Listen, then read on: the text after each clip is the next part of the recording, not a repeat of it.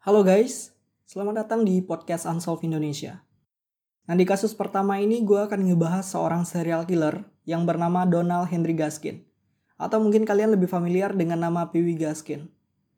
Nah seperti yang kalian tahu ya, di Indonesia juga ada band yang bernama Pee Gaskin. Ya gue rasa nama itu diambil dari nama seorang serial killer yang nantinya akan kita bahas. So ini dia kasus pertama di podcast Unsolved Indonesia. Nah buat kalian yang belum follow, silahkan klik follow untuk mendapatkan update dan kasus selanjutnya.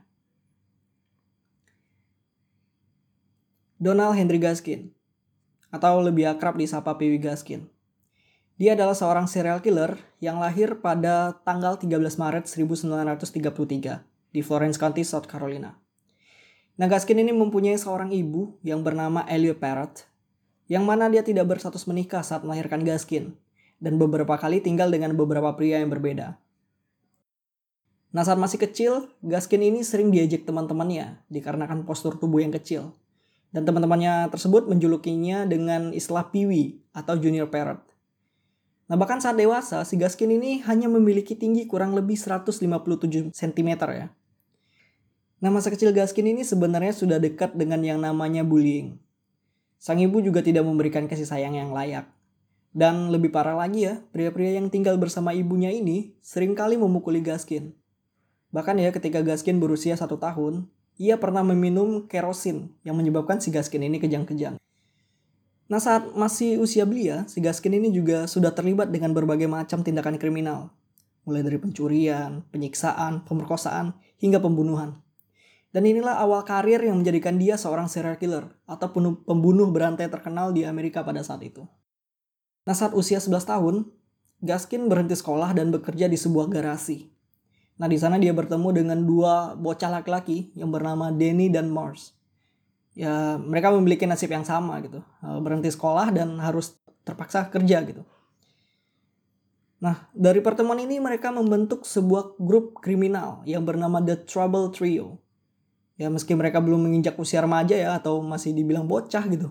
Tapi tindakan kriminal mereka sudah sangat serius. Nah, mereka melakukan pencurian hingga pemerkosaan pada anak kecil. Nah, pada tahun 1946 ya, Gaskin merampok sebuah rumah. Namun pada aksi perampokan itu, dia dipergoki oleh seorang gadis. Lalu si Gaskin menyabet kepala gadis tersebut. Ya ada untungnya sih si gadis tersebut selamat dan Gaskin berhasil ditangkap dan dinyatakan bersalah. Nah karena kejadian ini, dia dikirim ke South Carolina Industrial School for Boys hingga usianya 18 tahun. Nah buat kalian yang nggak tahu ya, South Carolina Industrial School for Boys ini kayak penjara di South Carolina, penjara anak-anak gitu. Jadi di sana kalian juga kayak sekolah tapi itu sebenarnya penjara gitu. Nah di tempat itu si Gaskin ini sering mendapatkan perlakuan buruk dari tahanan anak lainnya. Di sana ia sering diperkosa dan disiksa lantaran tubuhnya kecil ya. Nah karena kejamnya perlakuan tersebut akhirnya Gaskin sempat kabur dan menikah juga dengan seorang gadis yang berusia 13 tahun. Akhirnya dia kembali sukarela untuk menyelesaikan masa tahanannya. Nah ini mungkin dia ketika kabur terus sudah nikah, uh, mungkin vibes istrinya itu positif ya. Jadi dia mikir kalau gue insaf aja kali dan menyelesaikan masa tahanan gue dengan balik secara sukarela gitu. Nah, pada tahun 1951, Gaskin akhirnya dibebaskan dan sempat bekerja di sebuah perkebunan tembakau. Dan di tahun yang sama, Gaskin juga bekerja sebagai agen asuransi. Nah, saat menjadi agen asuransi inilah dia melakukan penipuan dan hampir membunuh seorang wanita. Si Gaskin ini menghantamkan palu ke kepala wanita tersebut. Dan untungnya wanita itu selamat ya. Dan karena aksi yang tersebut, Gaskin dipenjara selama lima tahun.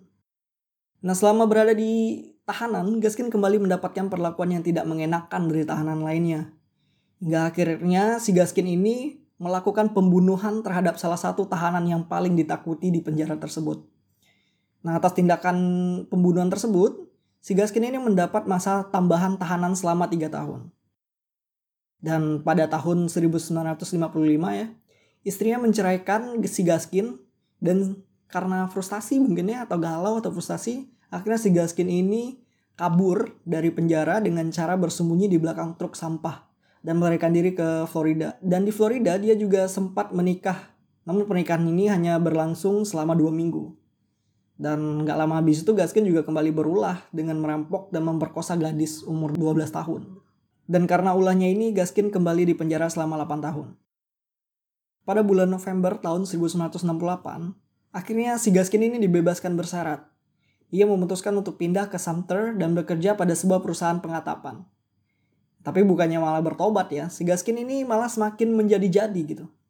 Belum bahkan belum setahun bebas, Gaskin ini membunuh seorang wanita yang ia beri tumpangan. Nah sebelum membunuh, Gaskin sempat menyiksa wanita tersebut, lalu menenggelamkan jasadnya di sebuah rawa. Nah, pada tahun 1975, ia sudah membunuh setidaknya 80 orang di North Carolina. Termasuk di antaranya keponakannya sendiri. Dan dua tahun sebelumnya, Gaskin juga menghabisi nyawa tetangganya yang bernama Doreen Dempsey. Yang mana ia tengah mengandung 8 bulan. Dan Gaskin juga menghabisi nyawa anak laki-lakinya yang berusia 2 tahun. Nah sebenarnya si Gaskin ini juga seorang pembunuh bayaran. Yang mana kliennya yang bernama Susan Kipper membayar si Gaskin ini dengan 1.500 dolar untuk membunuh mantan kekasihnya yang bernama Silas Yat. Nah untuk menutupi aksinya ini, si Gaskin membunuh beberapa saksi mata. Lalu Gaskin kemudian ditangkap pada tanggal 14 November di tahun yang sama atas laporan dari temannya yang mengaku melihat aksi pembunuhan yang dilakukan oleh Gaskin. Lalu pada tanggal 4 Desember 1975, Akhirnya Gaskin membawa polisi menuju sebuah lahan yang di mana ia menguburkan para korbannya. Dan di TKP tersebut, polisi akhirnya menemukan setidaknya ada 8 jasad korban dan atas penemuan tersebut pengadilan akhirnya memutuskan dan mendakwa Gaskin atas 8 pembunuhan ya meskipun sebenarnya si Gaskin ini sudah membunuh ratusan lebih gitu. Tapi karena kehebatan dia dalam menyembunyikan si korban-korbannya, pengadilan hanya dapat menuntut dia dengan 8 pembunuhan. Tapi ya meskipun 8 pembunuhan, si Gaskin juga dijatuhi hukuman mati, yaitu pada tanggal 24 Mei 1976. Gitu. Dan pada tanggal 2 September tahun 1982, si Gaskin ini masih sempat melakukan pembunuhan pada seorang tahanan yang bernama Rudolf Steiner. Atas pembunuhan ini, Gaskin dijuluki sebagai orang paling kejam dan ditakuti di Amerika. Atau mereka menyebutnya The Minus Man in America. Dan beberapa waktu sebelum hukuman mati di kursi listrik, Gaskin juga bekerja sama dengan seorang penulis yang bernama Wilton Earl untuk menulis biografinya yang akhirnya diberi judul Final Truth. Nah buku ini dipublikasikan pada tahun 1993.